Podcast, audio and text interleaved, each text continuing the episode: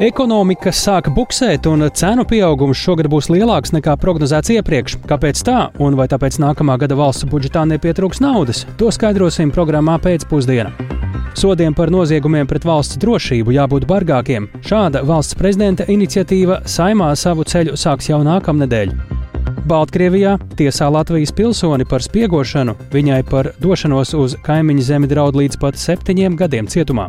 Par to visu plašāk raidījumā pēcpusdienā kopā ar mani Tāli Eipuru.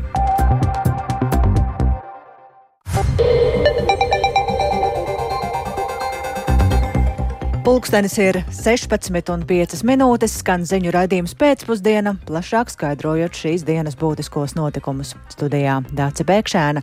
Esiet sveicināti! Un sāksim ar to, vai tiešām Latvija var zaudēt desmitiem miljonu eiro ielgstot Stradiņas slimnīcas jaunā korpusa būvniecībai. Kavēšanās dēļ ir atsaukta Stradiņas slimnīcas padome, un veselības ministrija norāda, ka padomas locekļu neizdarības dēļ ir risks pazaudēt 46 miljonus eiro Eiropas Savienības naudas.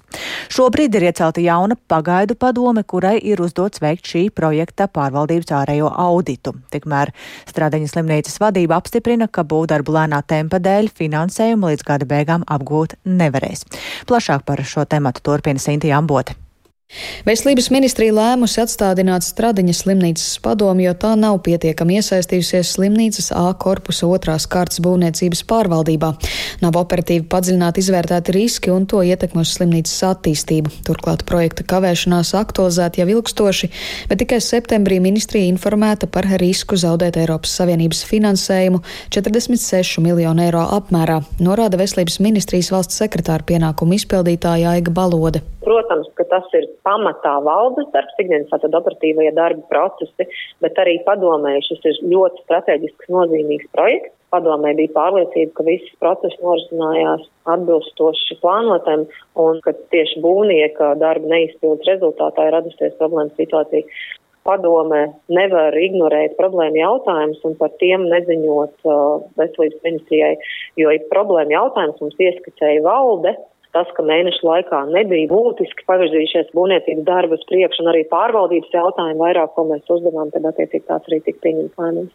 Atstādinātās padomas vadītājs Reinis Ceplis situāciju Latvijas radio atteicās komentēt. Savukārt pagaidu padomē ievēlēts Austrum slimnīcas valdes priekšsēdētājs Normons Staņēvičs, bērnu slimnīcas valdes pārstāvi Iluta Riekstiņa, kā arī Stradiņa slimnīcas sirds ķirurģijas nodaļas vadītājs Pēters Stradiņš, kurš pagaidām vēl nevērtē, vai naudu šajā projektā vēl iespējams iespējams nezaudēt? Skaidrs, ka ir problēmas konkrēti ar A2 korpusa termiņiem, un, protams, ka tur kāda nopietna rīcība ir vajadzīga. Taču vai tieši iepriekšējais padomes darbs bija nu, tas galvenais varbūt iemesls šīm problēmām, man ir ļoti grūti komentēt no savu viedokļu.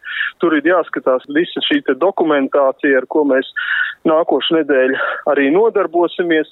Es piekritu šajā pagaidu padomē iesaistīties, jo slimnīcas būvniecība, tas ir, man liekas, valstisks jautājums, jo slimnīcā ir pārstāvēt unikāls specialitātes, kas ir tikai vienā vietā Latvijā, un viņas mēs pazaudēt nedrīkstam, viņām jāturpina funkcionēt, un viņām ir jāattīstās. Stradiņas slimnīcas valdes priekšsēdētājs Rināls Muciņš skaidro, ka sākotnēji darbu izpildes temps kavējies gan Covid pandēmijas, gan kara Ukrainā ietekmes uz būvniecības nozari dēļ.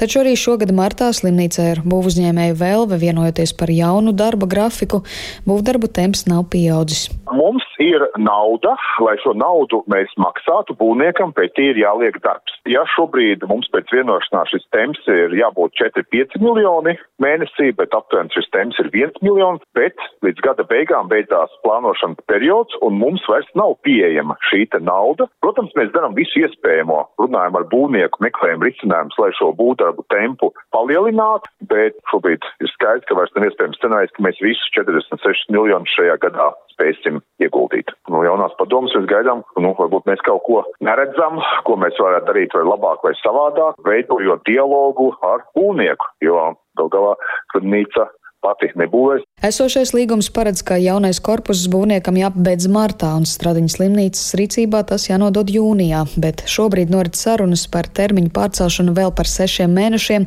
līdz nākamā gada trešajam ceturksnim, saka Muciņš.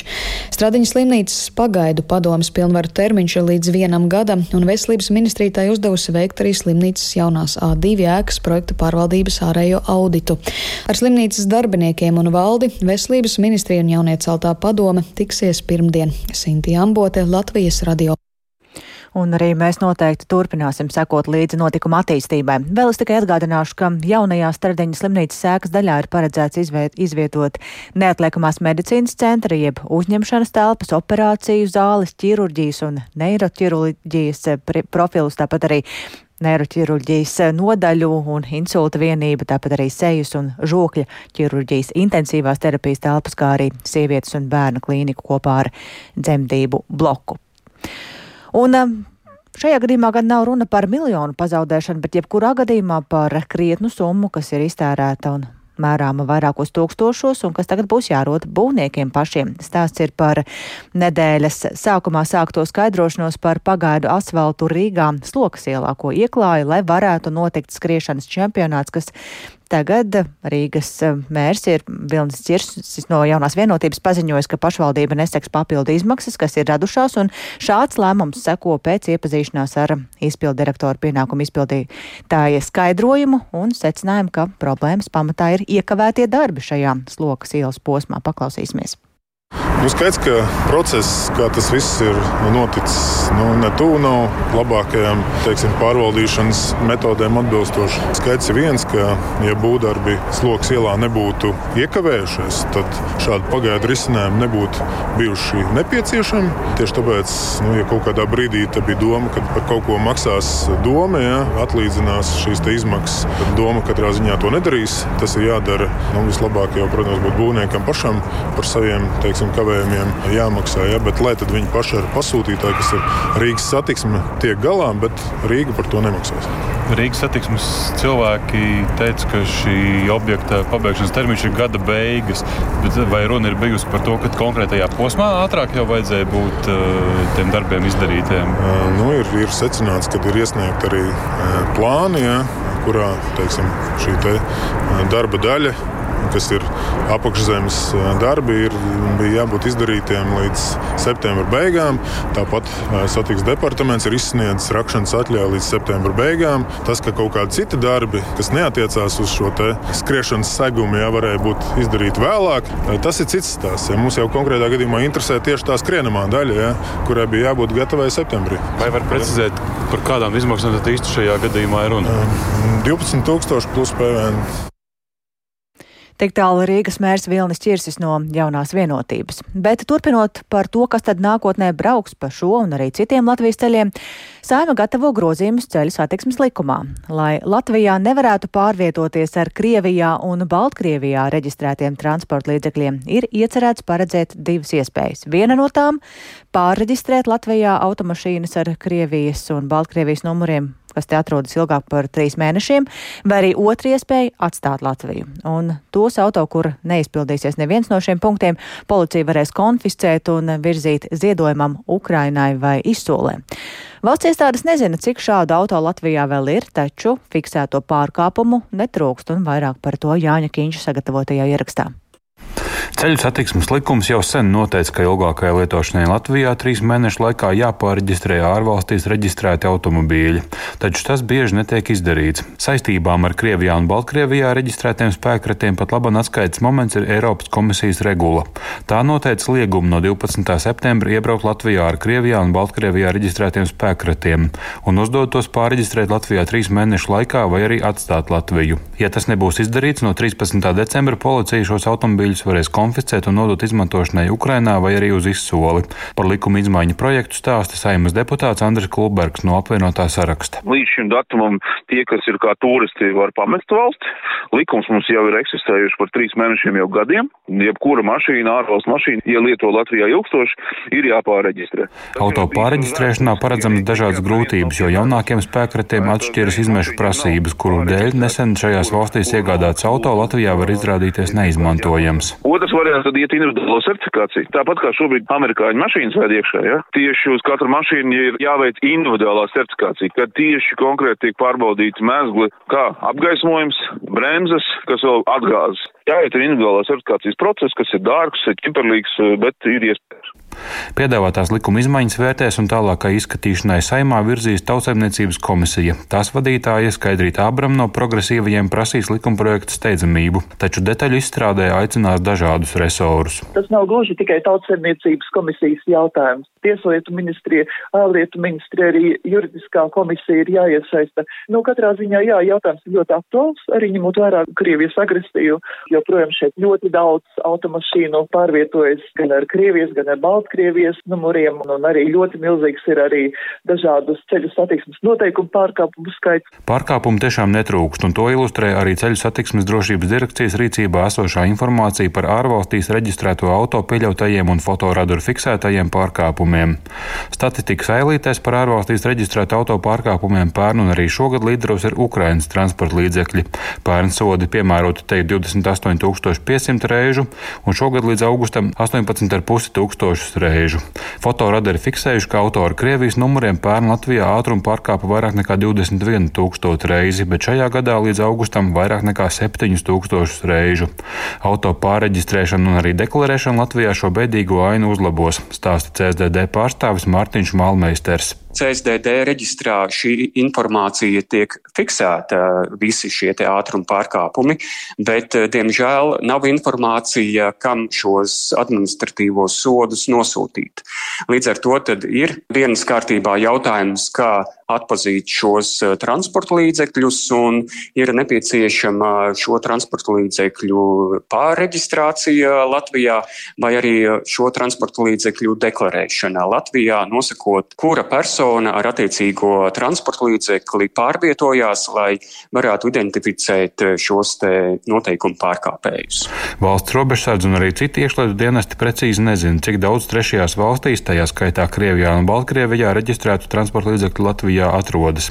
Iemesls tam ir vienkārši. Automobīļu kustību Latvijā uz un no citām Eiropas Savienības valstīm neuzskaita. Tā Latvijas radio skaidroja valsts robežsardzē. Jānis Kincis, Latvijas radio. Tas tātad par automašīnām ar Baltkrievijas un Krievijas numuriem, bet kā Latvijai būtu jārīkojas ar Parīzes Paralimpiskajām spēlēm, kurās ir ļauts piedalīties šo valstu sportistiem. Lai spriestu par Latvijas dalību šajās spēlēs, izglītības un zinātnes ministre Anda Čakša no jaunās vienotības šorīt tikās ar Latvijas Paralimpiskās komitejas pārstāvjiem.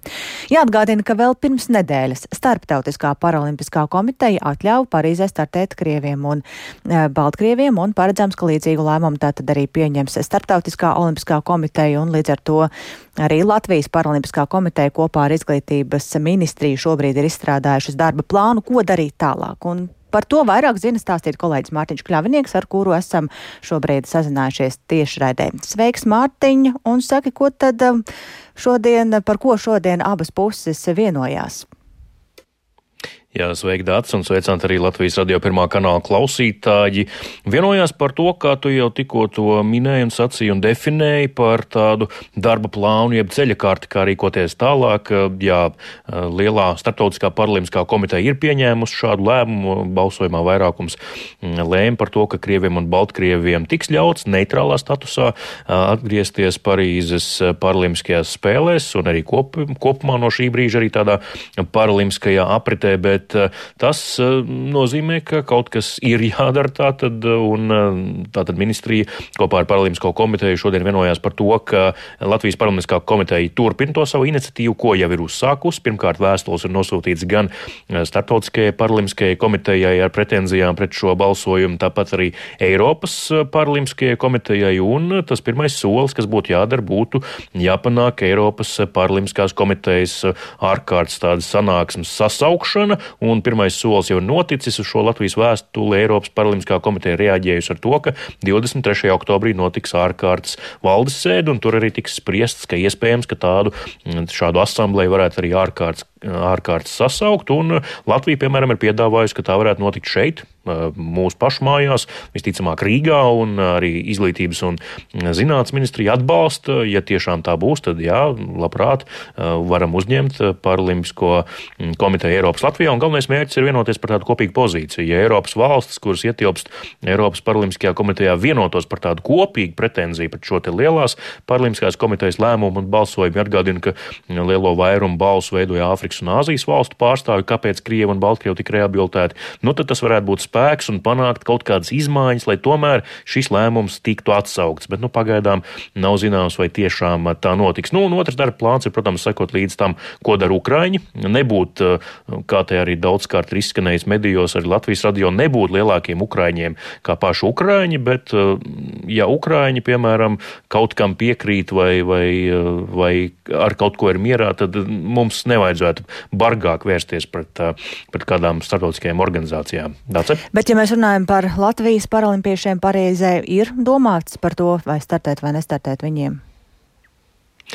Tas ir laikam viens no tiem galvenajiem punktiem, kas izkristalizējās šodienas sarunās par to pagaidām nedomāt. Primāri jācīnās par to, lai panāktu, ka latvieši brauc uz Parīzi, bet Krievi un Baltkrievi to nedara. Tātad atsaukt šo lēmumu, ko pieņēma Startautiskā paralēliskā komiteja, ka Krieviem un Baltkrieviem ļaut. Nu, un par to vairāk Latvijas radio pastāstīja izglītības un zinātnes ministrijas sporta departamenta direktors Vladimirs Steinbergs. Klausāmies!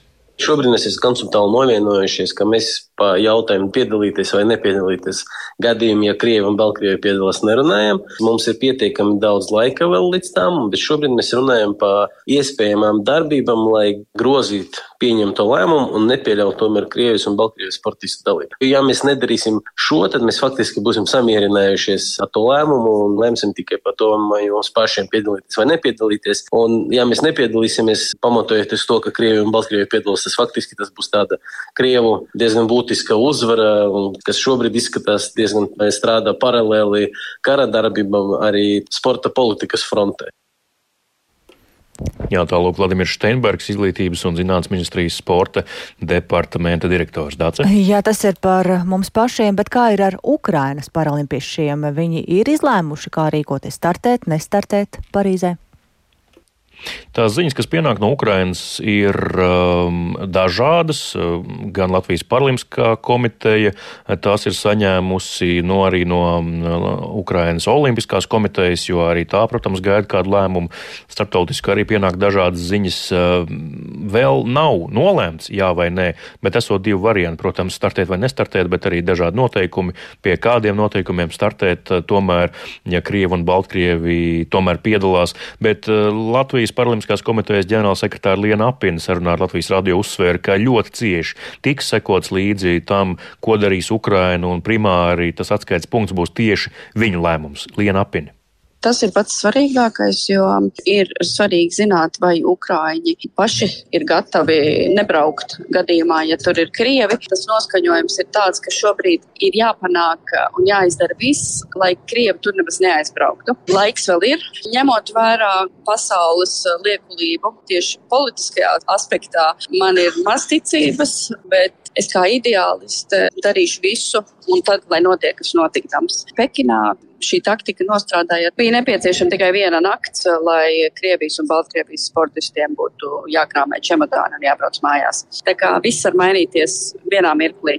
Un, protams, vislabākais būtu, ka karš jau būtu beidzies. Tālāk Liena apviena Latvijas Paralimpiskās komitejas ģenerālsekretāra. Nu, jāatgādina gan, ka tas notika Pekinas Paralimpiskajās spēlēs, kad karš tik tikko bija sācies un tās sajūtas visiem bija nu, tādas kā atvērtas brūces un ļoti, ļoti tādas spilgtas. Nu, tagad tomēr gan jau divi gadi pagājuši kopš kara sākuma un var, var redzēt, ka vismaz tajās Eiropas, daudzās Eiropas Paralimpiskajās komitejās, nu, tā sajūta vairs nav tik spilgta par to, ka nekādā gadījumā Krieviem un Baltkrieviem nedrīkst ļaut startēt. Mm Eh, Parīzē. Nāc. Jā, un viss eh, beidzot arī par to, ka nu, tomēr aizvien tuvāk ir arī Parīzes Olimpiskās spēles. Kad būs šis lēmums, Startautiskās Olimpiskās komitejas lēmums par to, vai tur ļaut piedalīties agresoru valstu pārstāvjiem? No 15. līdz 17. oktobrim uh, Indijā notiek uh, Startautiskās olimpiskās komitejas ģenerāla asambleja. Tur tad arī visticamāk uh, lēmums tiks pieņemts, balsojums notiks. Gaidām, vai tas būs 15. vai 17. nevar šobrīd pateikt, bet kādā no šiem datumiem noteikti tas arī taps zināms. Un tālāk pēc tam jau arī tiks spriests Latvijas Nacionālajā sporta padomē par to, ko darīt gan olimpiešiem, gan paralimpiešiem saistībā ar braukšanu vai nebraukšanu uz Parīzi. Paldies Mārtiņam Kļaviniekam par šo skaidrojumu. Mēs turpinām programmu pēcpusdiena ar to, ka Spānijas pilsētā Granadā pašlaik turpinās Eiropas līderu tikšanās. Šodien darba kārtībā ir migrācija un Eiropas Savienības paplašināšanās. Eiropadomes priekšsādātājs Šārls Mišels ir izteicies, ka līdz 2030. gadam Eiropai ir jābūt gatavai jaunu valstu uzņemšanai. Bet valstu vadītāju vidū domas par šo termiņu dalās. Granadā atrodas arī mūsu korespondents Arķoms Konohaus, ar kuru esam šobrīd sazinājušies tiešaidē. Sveiks, Arčom, un saki, vai migrācija ir temats, kas joprojām pamatīgi šķeļ Eiropas līderus? Labdien, Dārts, labdien, klausītāji! Jā, es teiktu, ka šis jautājums joprojām šķeļ, bet pamazām, pamazām tomēr veidojas kopsaucējs. Un eh, tas arī lika pavisam nesen eh, pārstāvjiem, valstu pārstāvjiem tomēr vienoties par vēl vienu būtisku soli kopējā migrācijas un patvēruma paktā un eh, vienoties par teiksim, savu nostāju šajā ļoti pretrunīgajā jautājumā. Protams, ir divas valstis, kas nepiekrīt kategoriski līdz šiem priekšlikumiem. Tā ir Ungārija un Polija, un tamdēļ Ungārijas prezidents premjeras Viktors Orbāns ir uh, sacījis uh, šeit Granādā, ka uh, viņi ir juridiski izvarota. Šādu frāzi viņš ir lietojis, bet tomēr pārējās valstis ir varējušas vienoties, arī šoreiz tā diskusija tomēr šķiet, ka varētu būt vērsta uz tomēr risinājumu meklējumiem. De, to, noteikti, par to noteikti cerību pauda Eiropas komisijas priekšsēdētāja Urzula Fonderleina. Paklausīsimies. The better Jo labāki mēs būsim ar legāliem migrācijas ceļiem un humāniem koridoriem, jo stingrāki mēs varēsim būt pret to cilvēku atgriešanu, kuri nekvalificējas patvērumu meklētāju statusam. Viens ir skaidrs - mums ir starptautiskās saistības, un mēs tās pildīsim, esam to darījuši iepriekš un darām tagad.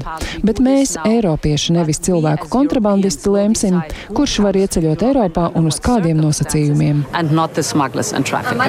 Arī viņas kolēģis Eiropas Savienības augstais pārstāvis ārlietās Žuzeps Borels runājis, ka migrācija ir ļoti daudzšķautnējs jautājums un tam ir ļoti daudz aspektu. Nevar vienkārši pieņemt noteikumus vai iedot kādai valstī naudu. Ir jādara daudzas dažādas lietas, lai tomēr cilvēki būtu mazāk motivēti dotos uz Eiropu un, ja viņi ierodas, tad mēs spētu uz to efektīvāk rēģēt un pieņemt kopīgus Eiropas soļus. Paklausīsimies viņa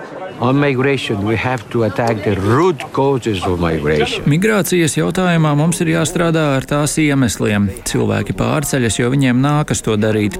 Viņiem nākas pārcelties vai nu tāpēc, ka viņi ir briesmās. Tādā gadījumā viņi ir patvēruma meklētāji, vai arī viņi pārceļas, jo meklē labākas iespējas.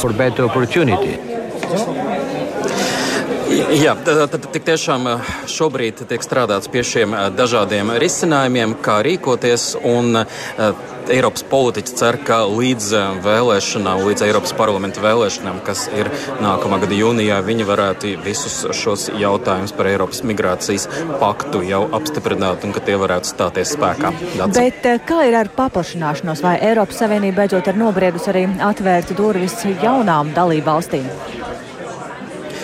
Jā, arī šeit nu, noskaņojums mainās un diezgan jūtami mainās. Vēl agrāk mēs varējām teikt, ka uh, paplašināšanās bija tikai vārdos, bet šķiet, ka sāk sekot arī darbi. Un jau pieminētais Žuzaps Borels ir sacījis, ka Ukraina pievienojas rindai pēdējā, un tās šobrīd sāk spiest pārējās valstis, kas jau šajā rindā stāv. Tāpēc viņa prāt šī rinda tagad sāks kustēties ātrāk. Bet, protams, katrai valstī ir vajadzīga sava īpašā pieeja. Un, Protams, viena no lietām, kas ir jāizdara, ir valstīs jāveic ļoti būtiskas reformas, jo visi līderi saka, ka nekādu atlaižu nebūs. Un to minēja arī Kāja Kaulas, Igaunijas premjera. Paklausīsimies!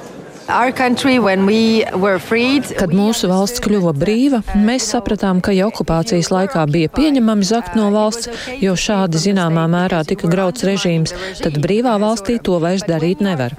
Tas visā valstī prasīja pilnībā mainīt domāšanu. Dažas no valstīm, kas arī tika atbrīvotas no Padomu Savienības, toreiz neveica šīs pārmaiņas. Bet, piemēram, Ukrainas gadījumā mēs redzam, ka šī domāšana mainās tagad. Un interesanti, ka Kaulas ir arī rosinājusi, ka varbūt Eiropas Savienībai jāsaka kādām mazākām valstīm, es atvainojos, kas varētu tad, tad um, pamēģināt uh, uzaicināt, pieņemsim, Melnkalni, kas būtu pirmā, kas varētu iestāties. Un tad jau, protams, vēlāk gatavoties tam, lai pievienotos arī tik liela valsts kā Ukraina. Bet arī par Ukrainas uh, pievienošanos un ceļu vienprātības pagaidām nav. Un viens no tādiem skaļākajiem skeptiķiem ir Viktors Orbāns, Ungārijas premjeras. Paklausīsimies! So Vispirms mums vajadzētu saprast, kādēļ būtu labi integrēt tādu valsti kā Ukraina un kādas tam būs sekas uz lauksaimniecību, uz drošību, uz kohēzijas fondiem. Ukrainas dalība Eiropas Savienībā radīs pilnīgi jaunu lauksaimniecību. Vai jūs tam esat gatavi, vai Francijas prezidents tam ir gatavs? Ir daudz strateģisku jautājumu, tāpēc vispirms ir vajadzīga strateģiska diskusija un tikai tad lēmumi. Discussion, strategically, then decision. Zīmīgi, ka Orbāns ir izteicies, ka Grūzijai vajadzētu būt Eiropas Savienībā. Viņš ir ļoti um, laipni sacījis, ka, viņaprāt, uh, Grūzija tiešām um, vajadzētu pievienoties un ka Eiropas līderi, kas tam pretojas, ir egoistiski. Uh, tas uh, tad, tad pilnīgi pretēji nostāja no Viktora Orbāna kā no salīdzinājumā ar vairumu Eiropas līderu. Tātad šādas ir tās šobrīd diskusijas, kas notiek Granādā par šiem jautājumiem. Paldies Arķumam par ziņām no sanāksmes Granadā un tur šajā Šajās dienās politiķi arī apsprieduši Azerbaidžānas un Armēnijas konfliktu un iespējas tā risināšanai. Azerbaidžāna ir paudusi gatavību trīspusējām sarunām ar Armēniju Briselē, piedaloties arī Eiropas Savienības amatpersonām, bet kā uz notiekošo Kalnu Karabahā raugās Latvijā dzīvojošie armēņi un Azerbaidžāni, to šodien skaidroja kolēģis Viktors Demīdovs un plašāk par to viņa ierakstā. Konflikts, kas aizkaukāzā septembrī izvērtās starp armēņiem un azerbaidžāņiem, varēja nenotikt, taču armēņi Kalnu Karabahā nevēlējās vienoties diplomātiski. Tā uzskata Azerbaidžāņu jaunatnes centra Azeri vadītājs Amils Salīmovs, kurš dzimis Rīgā.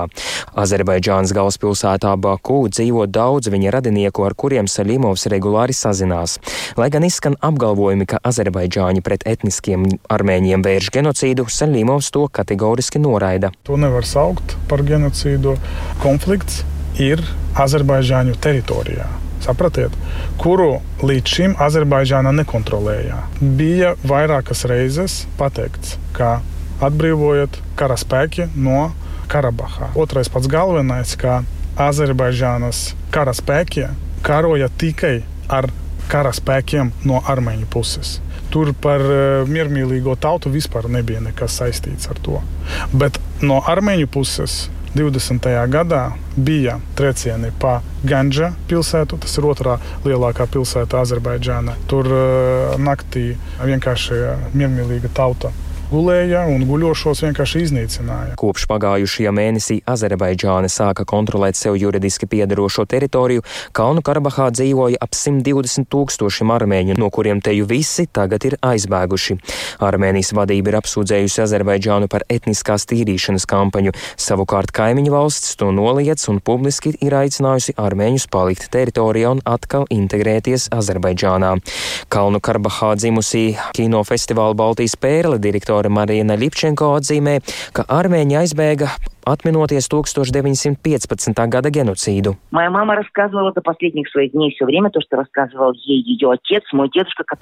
Mana mamma līdz savām pēdējām dzīves dienām visu laiku stāstīja par to, ko viņai stāstīja viņas tēvs, kurš bija bērns, kad viņa bēga pa ielām, kur gulēja sievietes ar uzķērstiem vēderiem.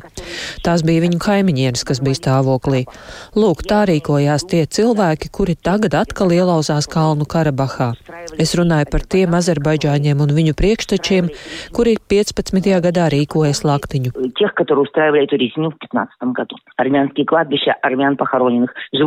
Lipčenko uzskata, ka Kalnu Karabaham ir jābūt neatkarīgai valstī, līdzīgi kā tas notika ar Kosovu, kas atdalījās no Serbijas. не понимаю, это что? Потому что там ничего нет. Visa pasaule klusē. Es nesaprotu, kas tas ir. Tas tādēļ, ka Kalnu Karabahā nekā nav, tāpēc, ka tur nav auglīgas zemes, naftas un tāpēc, ka tā nevienam neinteresē. Varbūt lietas sauksim īstajos vārdos. Kāpēc neviens neaizstāv? Kāpēc neviens nav sasaucis āno padomes sēdi? Kāpēc neviens nav mēģinājis panākt mieru? Tas nevienam nav vajadzīgs. Kalnu Karabahu jau sen atdeva.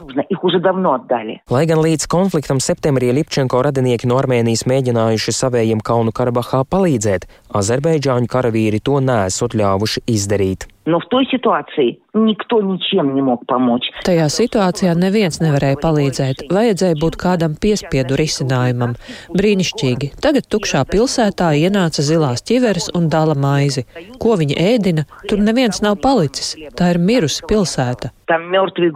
Savukārt Amils Salīmovs norāda, ka azerbaidžāņi atguva zemi, kas pieder viņiem. Viņš stāsta, ka Latvijā dzīvojošie azerbaidžāņi savējiem sūtīja ziedojumus. Lepojamies tagad Nu, gaidām, kamēr uh, Azerbaidžāņu prezidents izremontēs uh, to Karabahu, lai mēs varētu visi kopā ar mūsējiem Latvijas uh, draugiem, latviešiem atbraukt un apskatīt, jā, kā mēs to visu izbūvējām smuki. Lai gan Eiropas parlaments rosina noteikt sankcijas pret Azerbaidžānu, Saļimovs ir pārliecināts, ka Azerbaidžāna rīkojas pareizi. Viktors Demidovs, Latvijas radio.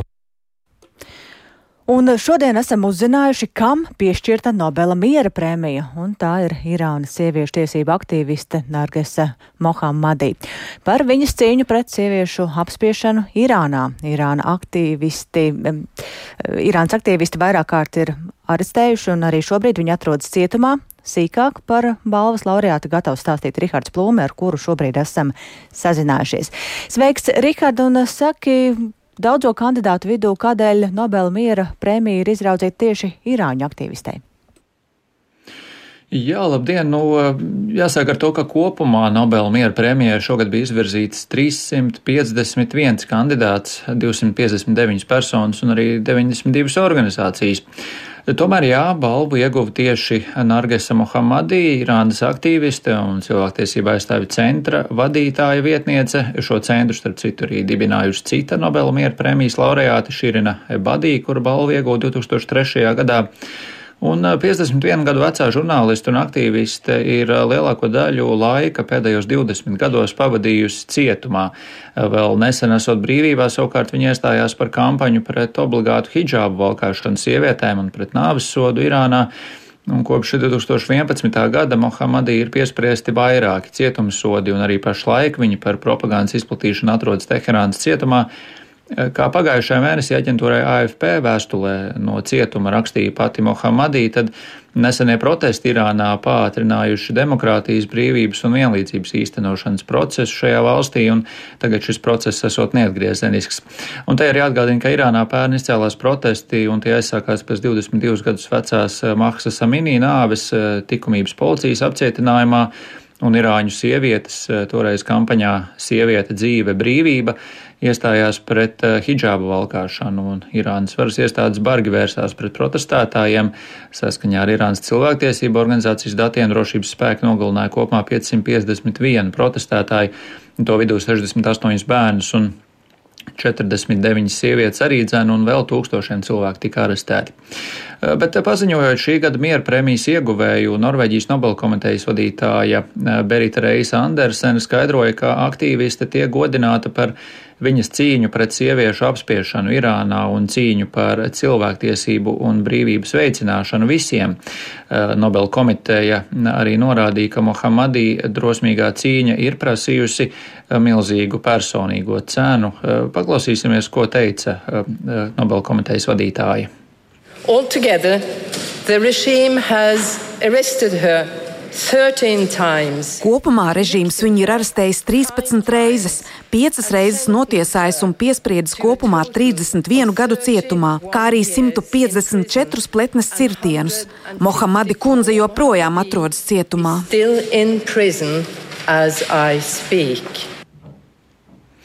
Ja nu pēc paziņojuma nolasīšanas runājot ar žurnālistiem, Reis Andersen arī aicināja Mohamadī atbrīvot, uzsverot, ka tas būtu pareizs lēmums, un tad aktīviste loģiski arī varētu pati personīgi šo balvu saņemt.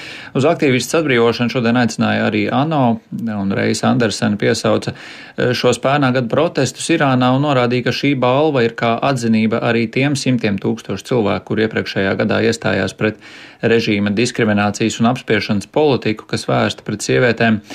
Nu, jāsaka, ka nav gan gaidāms, ka šīs balvas dēļ tāpēc viņa tiktu atbrīvota vai uzlabotos režīma attieksme pret sieviešu tiesībām. Arī Irānas ziņoģentūra šodien jau pēc ziņām par to, ka šī balva ir pasniegta tieši viņai, norādīja, ka rietumi ir piešķīruši balvu personai, kas ir apdraudējusi Irānas eh, nacionālo eh, drošību tādējādi no, nopeļot šādu soli. Runājot par pašu balvu, ir jāpiemina, kas tad ir tas, ko balvas laureāts saņem. Pirmkārt, balvas ieguvējs saņem 11 miljonus Zviedrijas kronu, un tas atbilst gandrīz miljonam ASV dolāru, un tāpat balvas ieguvējs saņem diplomu un vienu no Nobela komitejas 18 karātu zelta medaļām. Un medaļas priekšpusē redzams dibinātāja Alfrēda Nobela sāna profils, bet savukārt medaļas aizmugurē attēlot trīs vīrieši un uzraksts latīņu valodā, kas nozīmē cilvēku mieram un brālībai. Tālūk, Dace. Paldies Rihardam Plūmēm. Tad atgādināšu, ka Nobel miera prēmija šogad ir piešķirta Nargasai Mohamadī par cīņu pret sieviešu apspiešanu Irānā. Bet šajā brīdī mēs atgriežamies pašmājās un pievēršamies brīdinājumam, kam ir jāpievērš uzmanība šonakt un arī vēl nedēļas nogalē, jo sinoptiķi brīdina par spēcīgu vēju. Kā tam sagatavoties un kas ir jāņem vērā, to vaicāsim vides geoloģijas un meteoroloģijas centra hidrometeoroloģisko prognožu daļas vadītājai Laurai Krūmiņai. Labdien! Labdien!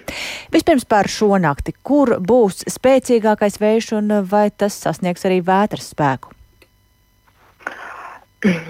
Jā, šodien mm, vakarpusē uh, pakāpeniski uh, vējš uh, sāks uh, pieņemties uh, spēkā. Uh, un uh, tādās jau vēlākās vakara stundās um, gaidāms, ka uh, vēja brāzmas uh, Baltijas jūras piekrastē vispirms uh, sasniegs uh, nu, sākotnēji 20 metrus sekundē, bet pēc tam jāsaka, ka diezgan ātri naktas pirmajā pusē tie jau būs arī pat uh, 25 metri sekundē, un nakts gaitā vējš pastiprināsies um, uh, visā Latvijā. Uh, sasniedzot brāzmās 17, um, 22 metrus sekundē, bet tātad visur piekrastes rajonos, arī līča piekrastē, ir gaidāmas vēja brāzmas tātad līdz 20 metriem sekundē un jūras piekstē 25 metri sekundē.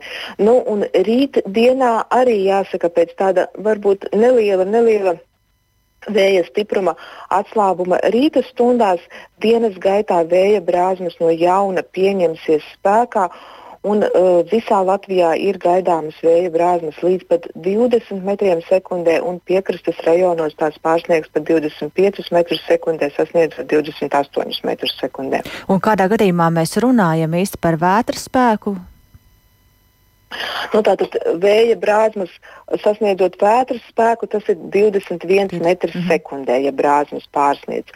Nu, šis noteikti jau ir vējš, uh, kas uh, būs spēcīgāks nekā uh, šīs nedēļas gaitā piedzīvotais, gan nedēļas sākumā, gan arī E, vakar, vēl e, arī vēlu vakarā un, un, un e, naktas stundās piekrastes rajonos vēja brāzmās pārsniedza 20 metrus sekundē, bet pilnus 25 metrus sekundē šīs nedēļas gaitā vēja brāzmas netika sasniegt, sasniegušas. Kā ir ar postījumiem? Vai tie ir prognozēti lieli un kā varbūt tāds atgādinājums, kā tiem sagatavoties, lai tie, tie tomēr būtu pēc iespējas mazāki? Uh, jā, vēja brāzmas, kas pārsniedz 21 metru sekundē, nemaz nerunājot par to, kas jau ir 25 metru sekundē. Un svētdien iespējamas arī jūras piekrastē vēja brāzmas līdz 30 metriem sekundē. Nu, tās ir tādas vēja brāzmas, kas noteikti var uh, nodarīt postījumus. Uh, te gan negribētu šobrīd runāt par ļoti plašiem postījumiem, jo šis oranžās pakāpes brīdinājums par vēju virs 25 metriem sekundē tomēr pamatā attiecas uz piekrastes rajoniem, bet vietām nu, tie varētu būt arī nolausti koki vai tikt nodarīti kādi bojājumi īpašumiem šajos rajonos. Tādēļ nu, nu, vismaz teiksim, par savām mašīnām būtu jāparūpējas, jāpadomā, kur mēs tās novietojam, lai tās nebūtu zem kokiem. Vēl aizvien atgādinām arī to, ka vēja ietekmi pastiprina tas, ka pie mums aizvien koku, koki ir ar lapām.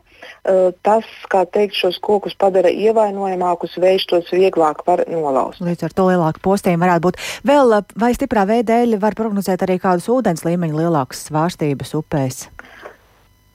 Uh, Netik ļoti daudz kopumā upēs, cik tieši piekrastes rajonos, tātad upju grīvās, un tas jo sevišķi attiecas uz Rīgas līci, Rīgas līča vidzemes piekrastu un galvaspilsētu. Mhm. Jo spēcīgais ziemeļrietumu vējš jau tātad sāks mm, šo ūdens līmeni dzīt arī uh, piekrastē Jā. un tātad Daugavas iztekā uh, šīs nakts otrajā pusē. Uh, un no rīta ir sagaidāms, ka attiecībā pret to, kāds šobrīd ir ūdens līmenis, tas varētu būt paaugstinājies mm. apmēram. Pa par metru, Jā, iespējams pat paldies. metru 20. Paldies, teikšu, vides geoloģijas un meteoroloģijas centra pārstāvē Laurai Krūmiņai un Ar to tad arī izskan raidījums pēcpusdiena, tātad jārēķinās ar spēcīgu vētru un vēju šajā nedēļas nogalē, bet šobrīd raidījums izskan un to veidoja Ilza Agīnta, Renāša Šteimanis, Ernests Valds Fjodorovs un es Dāca Pēkšēna.